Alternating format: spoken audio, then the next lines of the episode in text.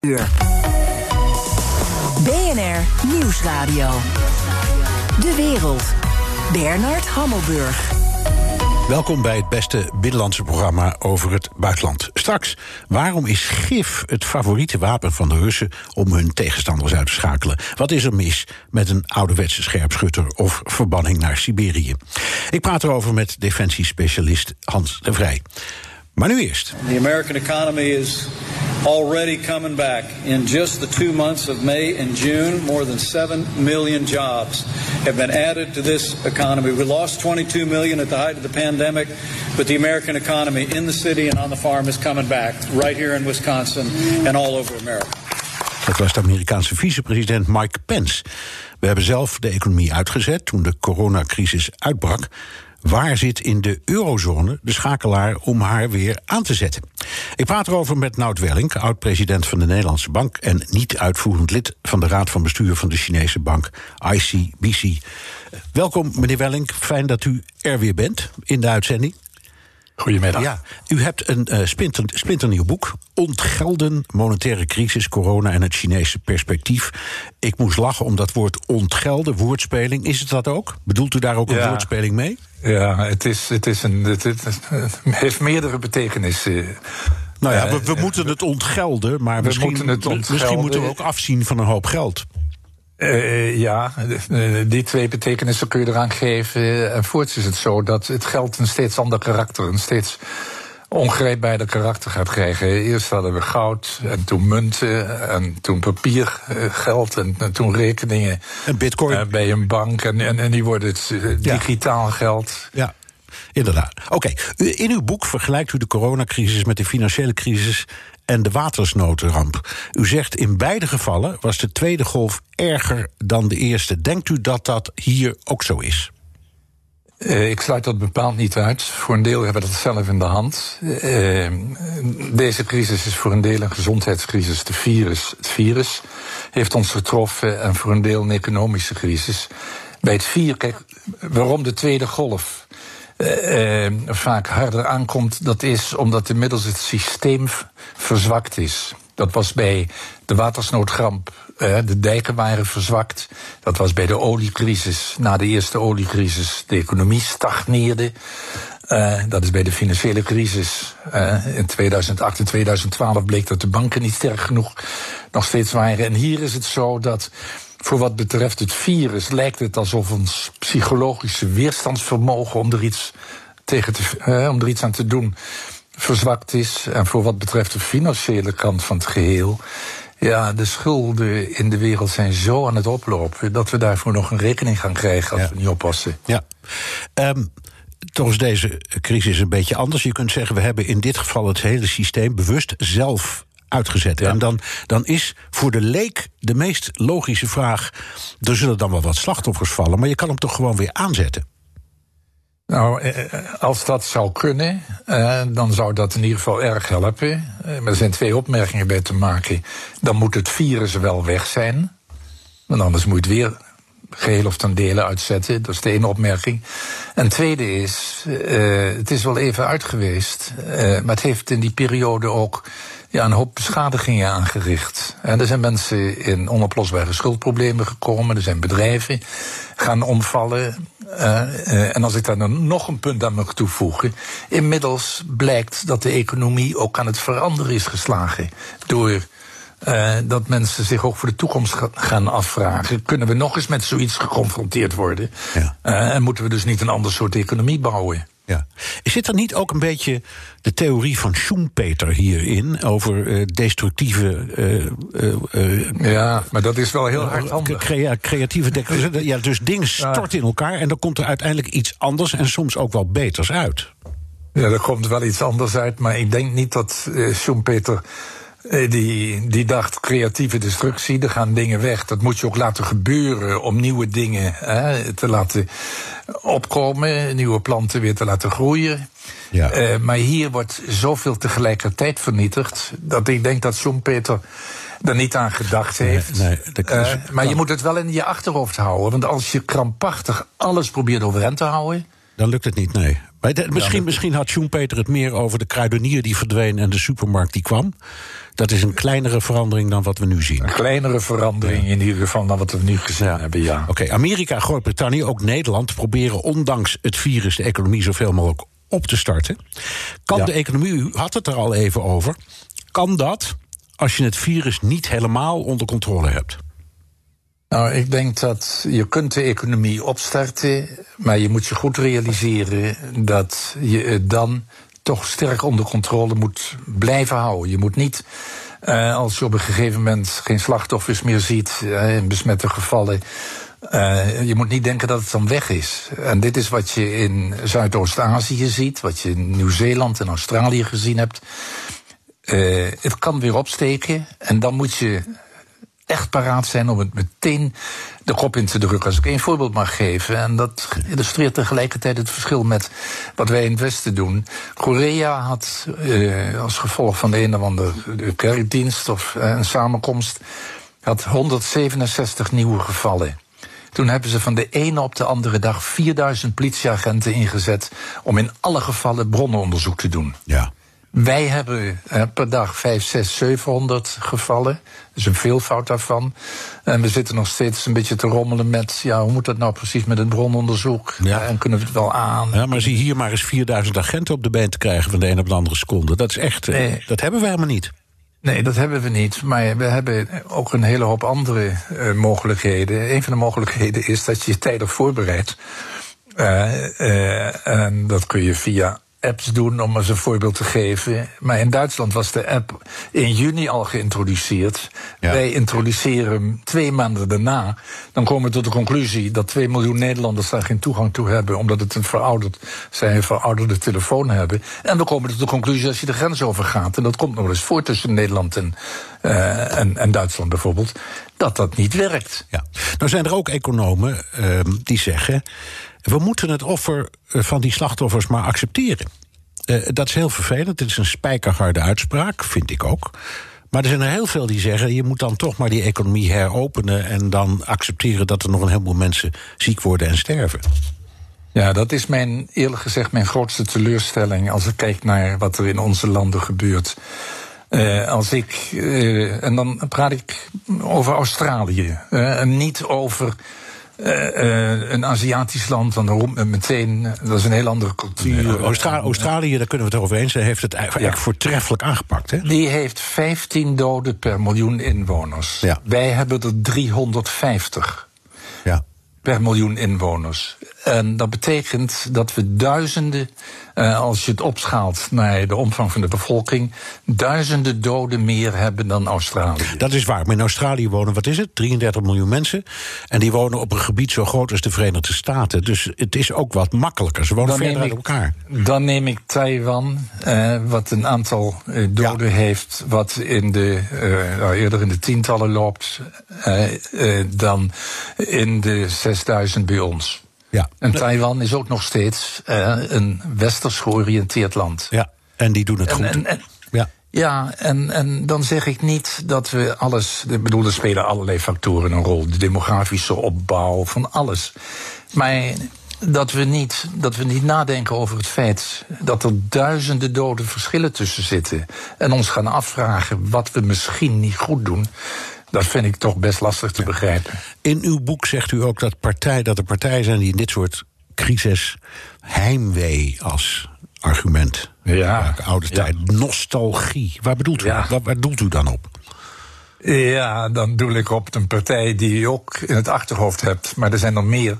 Kijk, ik heb ook heimwee naar mijn geboorteplaats Bredevoort. Maar één ding weet ik. eh, als ik na eh 70 jaar daar terugkeer, is Bredevoort veranderd en ik ben veranderd. En daar terug heen gaan, eh, dat zou me slechts ongelukkig maken. Er zijn partijen die denken dat eh, eh, als je even vergeet eh, hoe de wereld op dit moment in elkaar zit, dat je weer terug kunt naar dat hele simpele model wat we in het verleden hadden, ook in Nederland hadden hoor. Kijk maar naar oude journaals. Ja. Eh, hoe geordend Nederland eruit zag. De inwoners van Nederland zijn veranderd. de instrumenten om uh, de samenleving te sturen zijn veranderd. Er zijn andere gezagsverhoudingen gekomen, al, andere technologie. Alles is veranderd. En ik denk dus als dat heimwee naar. Uh, toen was geluk nog heel gewoon, hè? Ja, precies. Ja, het is ook zo. Nee, u, en ik zijn een beetje van dezelfde tijd, dus we herinneren ons dat ook wel. Um, u schrijft ook dat de, economische, dat de Europese economieën alleen maar kunnen groeien als er uiteindelijk een soort Marshallplan uh, komt. Ja. Dat zou, omgerekend naar nu, 800 miljard euro zijn. Dat krijgen we binnen die EU toch nooit rond? Nee, ik ben ook bang dat, we dat, eh, dat dat ontzettend moeilijk ligt. Ik vind dat we ons moeten beginnen te realiseren hoe groot het probleem is. Want het probleem is echt heel groot dat het op ons afkomt. En waar we mee bezig zijn, is allemaal, ieder probeert. Uh, en ik vind, ik, ik, begrijp dat er weer beslissingen zijn genomen over een vervolgprogramma. En ik denk dat dat goed is en verstandig is. Maar dat is de ene kant van het verhaal. Je kunt je als land proberen te redden. Maar als je in een regio woont als Europa en een aantal andere. Uh, die halen het niet, dan gaat het toch op jou terugslaan. En kom jij ook in de problemen. Ja. dus de eerste stap is je de omvang van het probleem realiseren. Dat begrijp ik. Maar er is ook iets, eh, meneer Welling, dat, dat heel menselijk en natuurlijk is. Ja. Als er echt iets heel ernstigs aan de hand is. In uw of mijn gezin, of in ons dorp, of in onze staat. Dan is het eerste waar je aan denkt, je eigen gezin in veiligheid brengen. Je eigen vrienden. Je... Dus dat gevoel, dat kan ook nationaal gebeuren. Als het zo erg is, denkt de Nederlander, wow, wow, wow, eerst Nederland maar even. Ja, nee, maar dat, dat begrijp ik heel goed. En, dat is ook dus ook een opgave van de politiek die best lastig is. Maar als je problemen hebt met het waterniveau in een deel van eh, de, eh, van, de, van de Noordzee, dan helpt het niet als je in dat deel de waterspiegel probeert te veranderen. Nee. Want het blijft over je heen spoelen. Ja, dat is waar. Van, vanuit de rest. Het beeld van 1953 komt weer terug. Ja. Mijn gast, Nout Welling, oud-president van de Nederlandse Bank... en niet uitvoerend lid van de Raad van Bestuur... van de Chinese bank ICBC.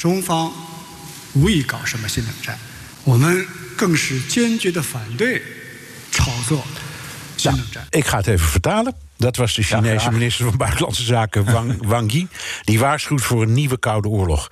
Met een tour door Europa hoopt de minister het toenemende negatieve sentiment over China weg te nemen.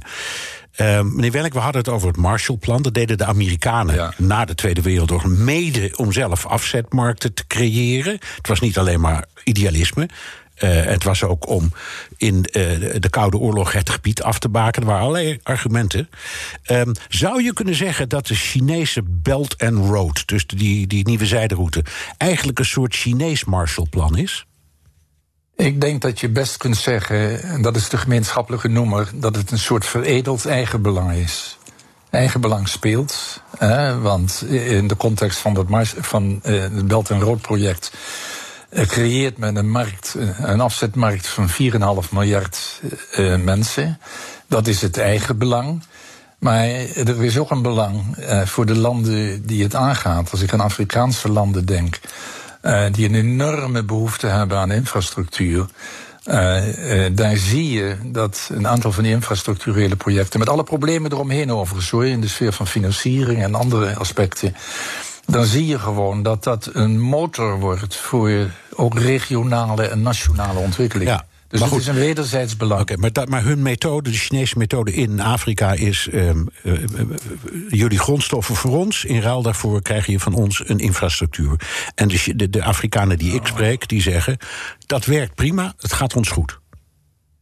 Nou, ik, zo zou ik het niet willen formuleren. Ik zou iedereen eens willen aanbevelen, bijvoorbeeld een van de uh, verslagen van, van mijn bank te lezen.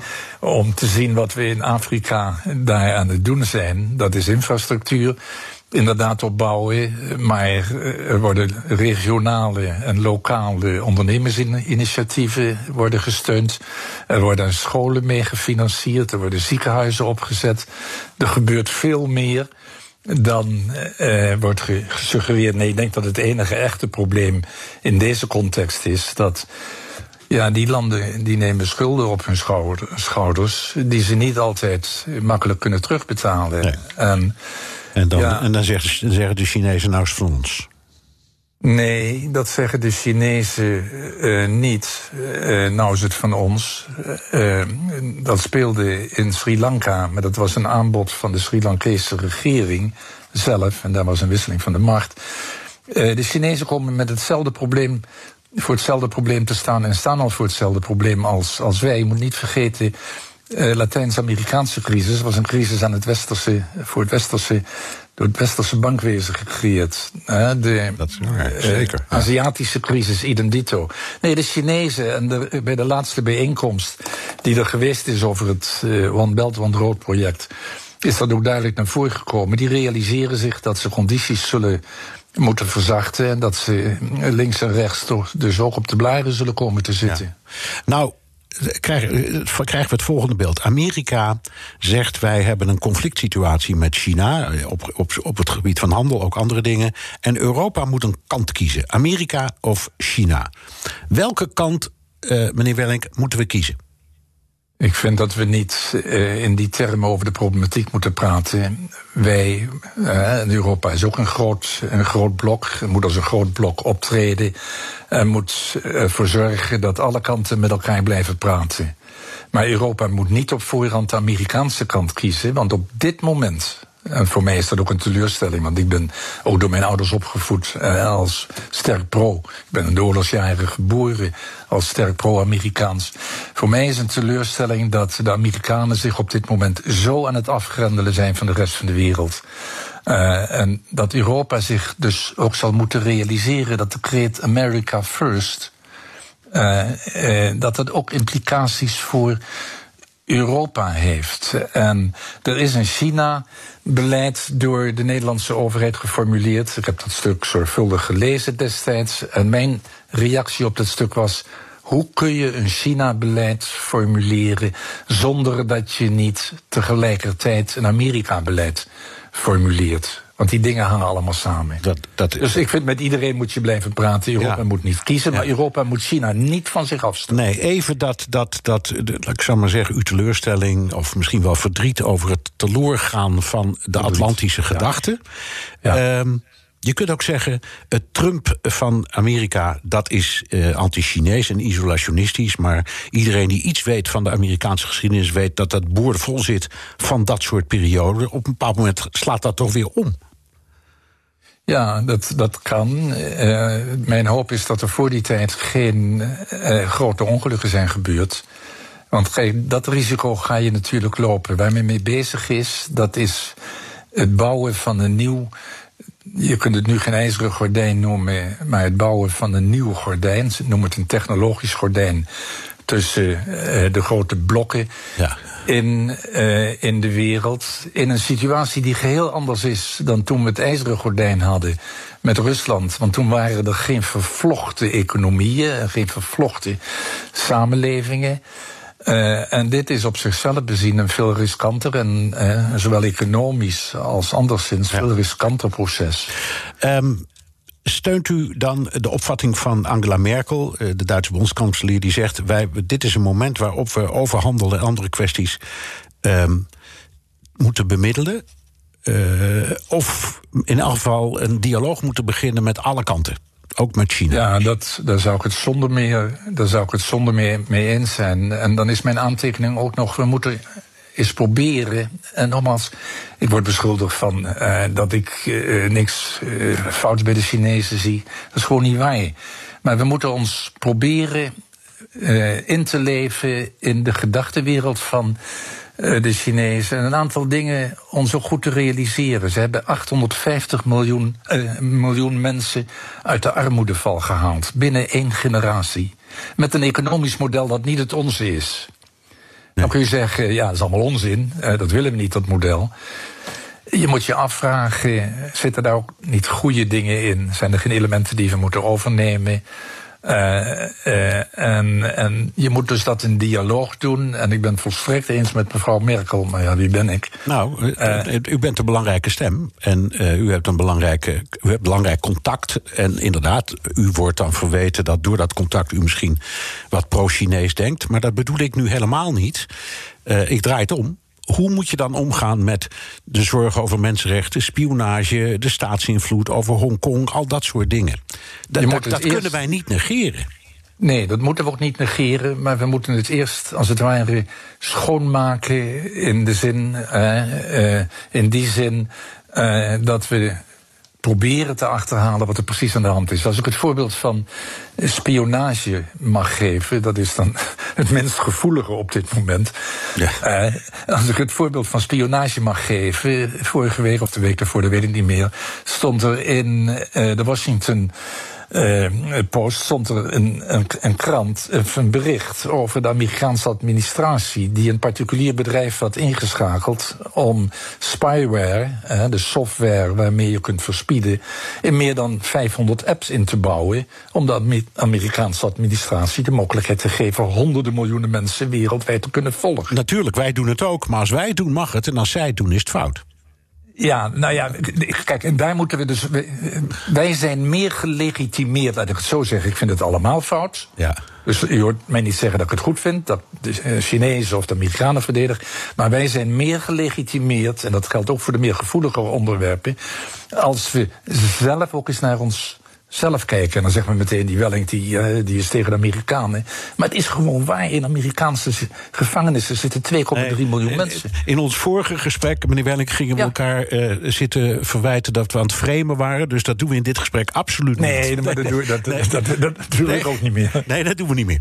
Maar um, uh, één vraagje dan tenslotte. Want er komt eigenlijk, eigenlijk, op dit moment, wat het spioneren betreft, alles is samen. Huawei, ja. de Vrije Universiteit van Amsterdam en de UvA gaan samen samenwerken met Huawei.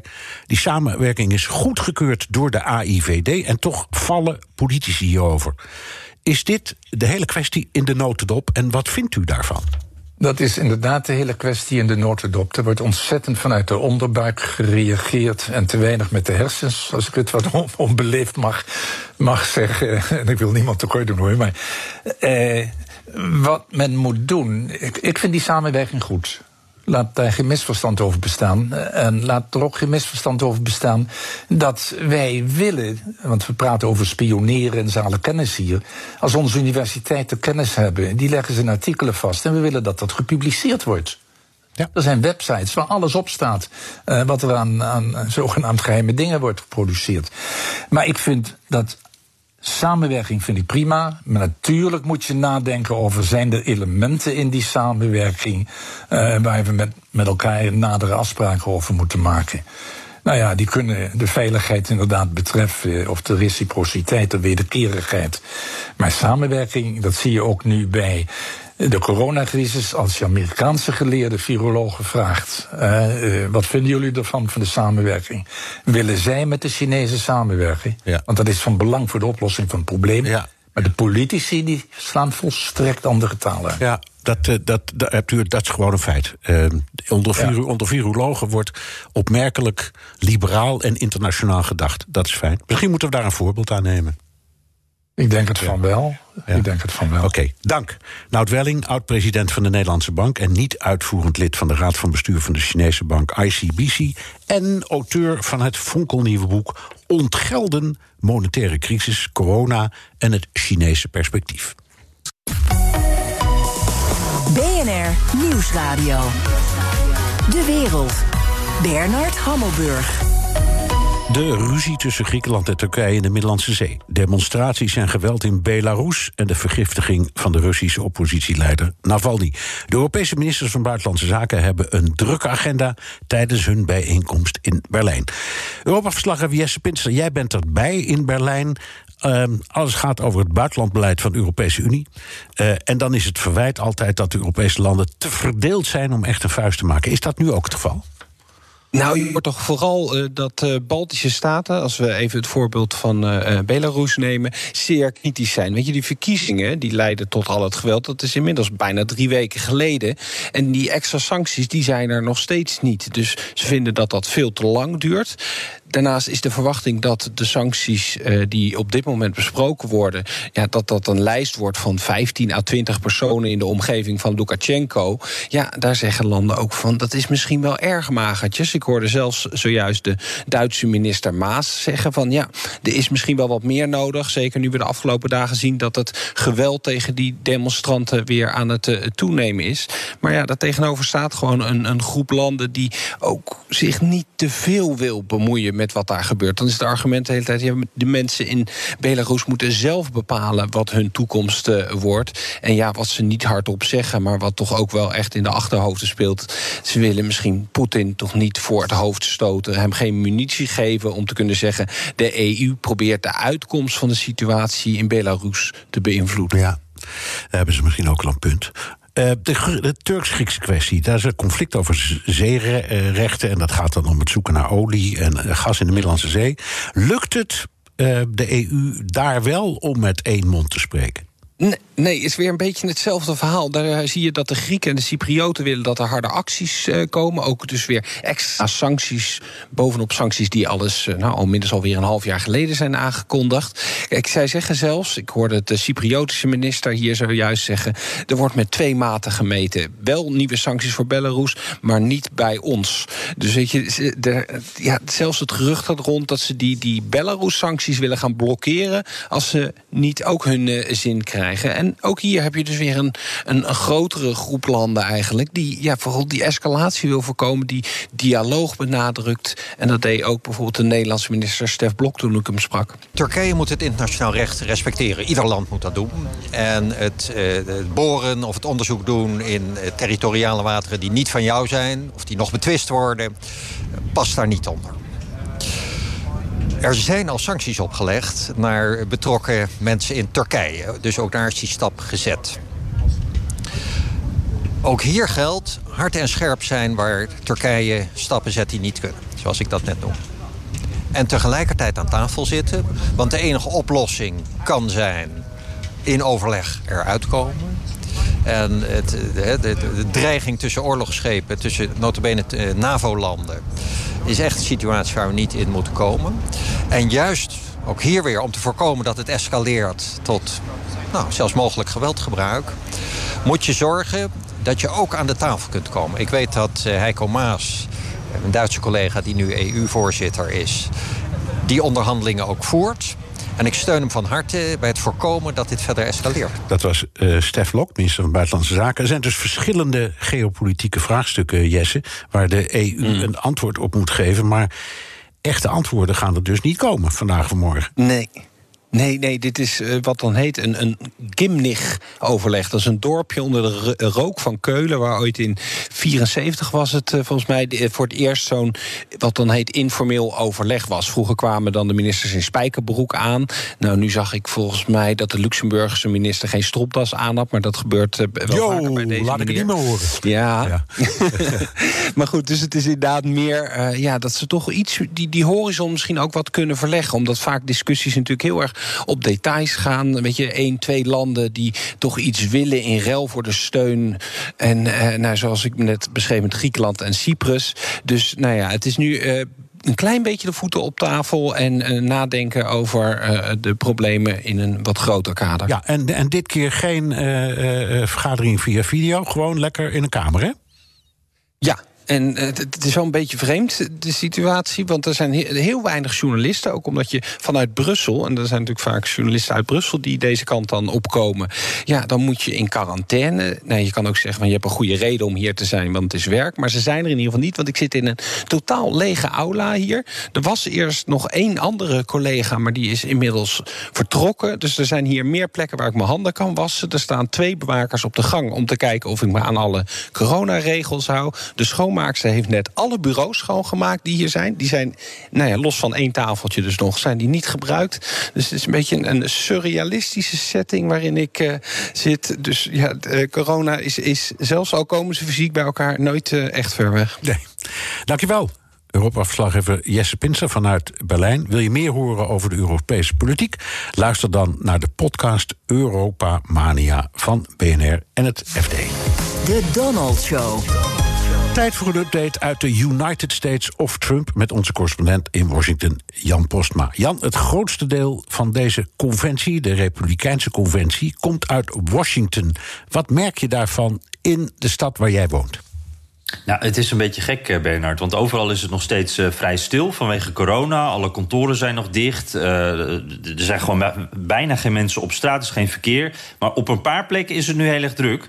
Uh, die statige zaal, hè, waar de meeste speeches worden gegeven, de Mellon Auditorium. dat is vlakbij het Witte Huis. Daar rijden echt de busjes af en aan. En met, met heel net geklede mensen. Dus wat anders dan dat zootje zonder stropdas, waar Jesse het net over had. Jou durven ze. maar, ja. Dat, ja.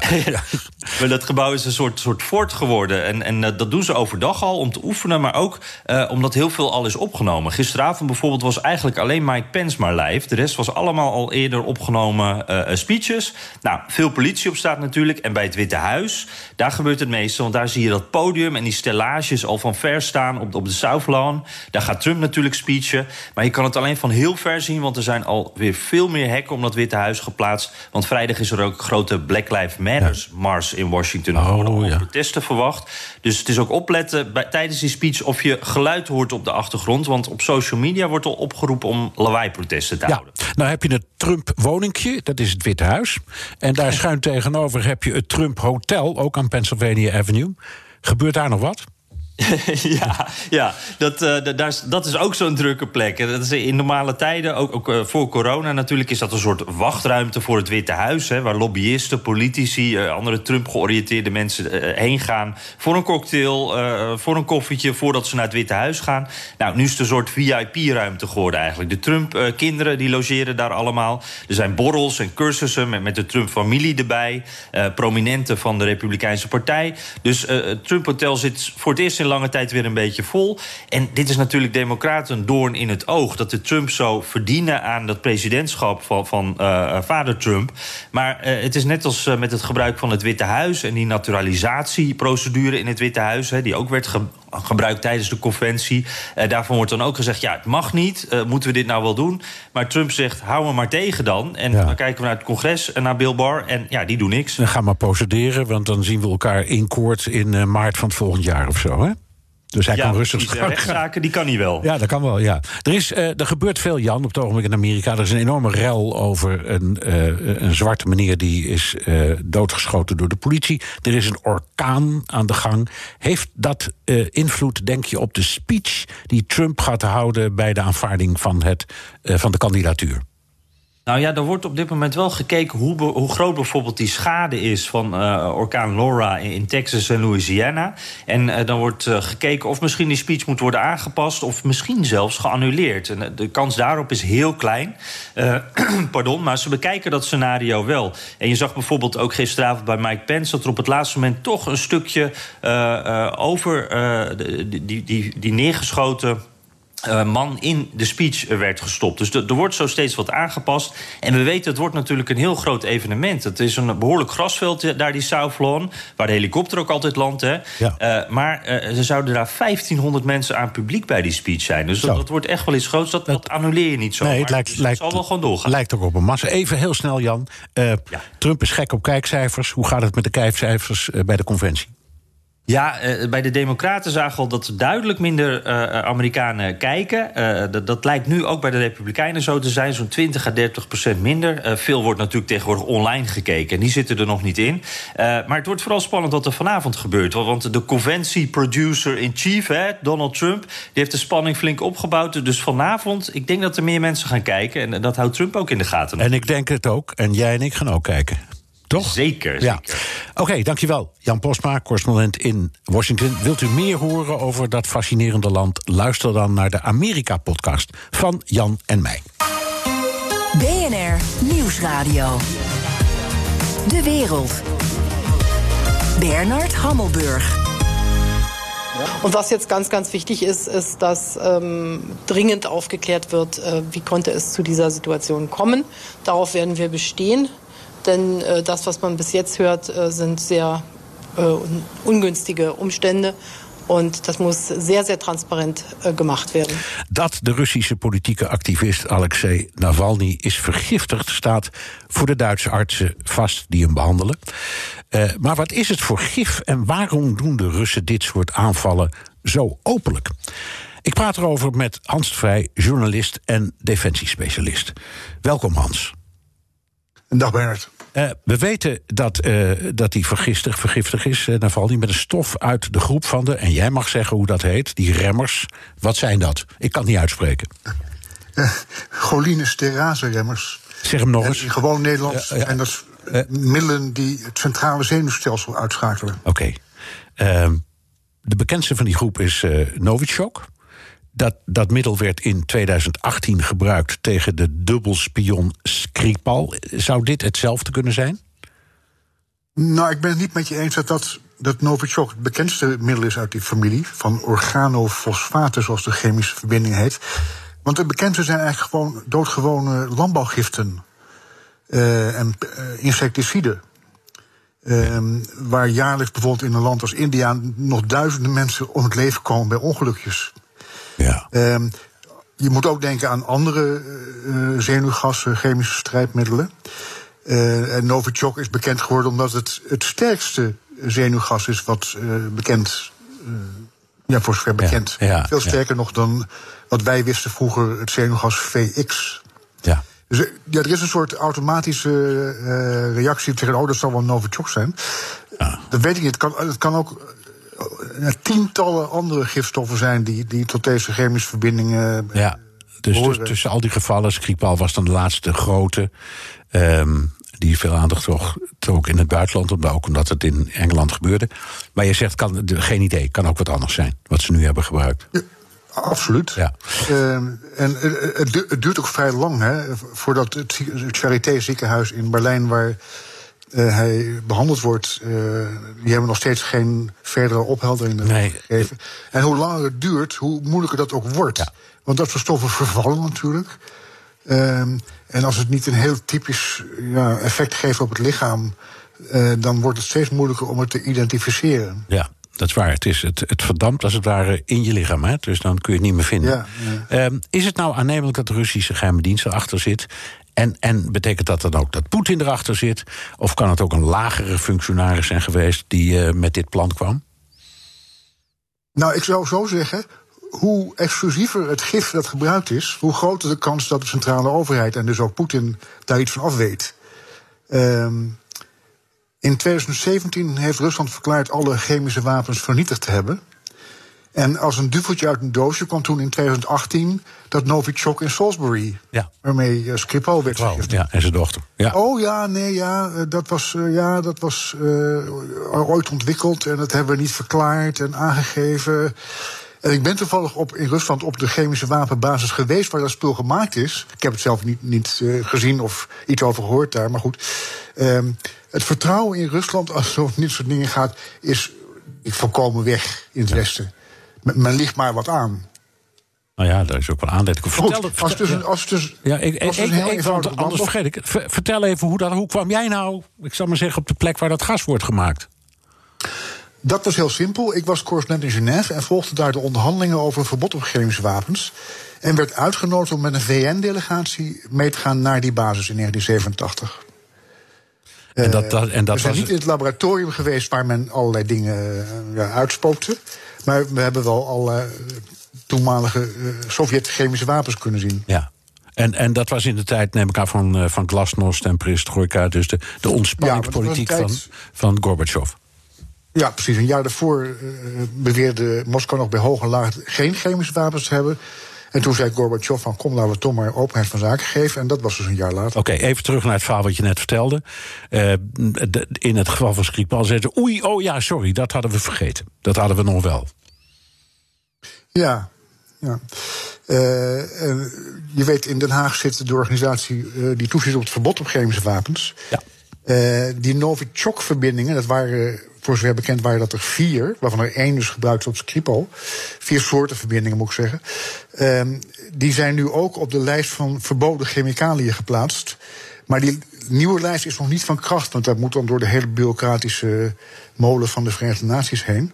Maar goed, de, op aanleiding van onder andere Nederland en de Verenigde Staten zijn die Novichok-middelen eh, op de verboden lijst geplaatst. Ja. Maar het kan dus ook zijn dat, eh, ski- dat, sorry, eh, dat Navalny vergiftigd is met een ja, heel eenvoudige landbouwgif. Ja, ja dat zijn begin ook wordt al. dus de- Dat, dat, is, dat is de meest voor de hand liggende. En je gaf het voorbeeld van India, waar mensen ziek worden omdat die dingen gewoon gebruikt worden. Dus dat kan ook gebeurd zijn.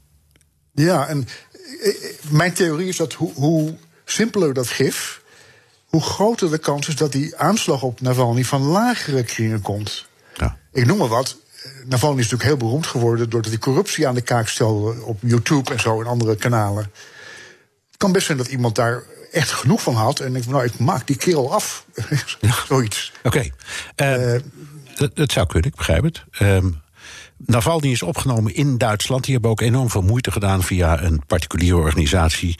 om hem daar met een ambulancevliegtuig weg te krijgen. Waarom speelt Duitsland zo'n prominente rol in deze kwestie?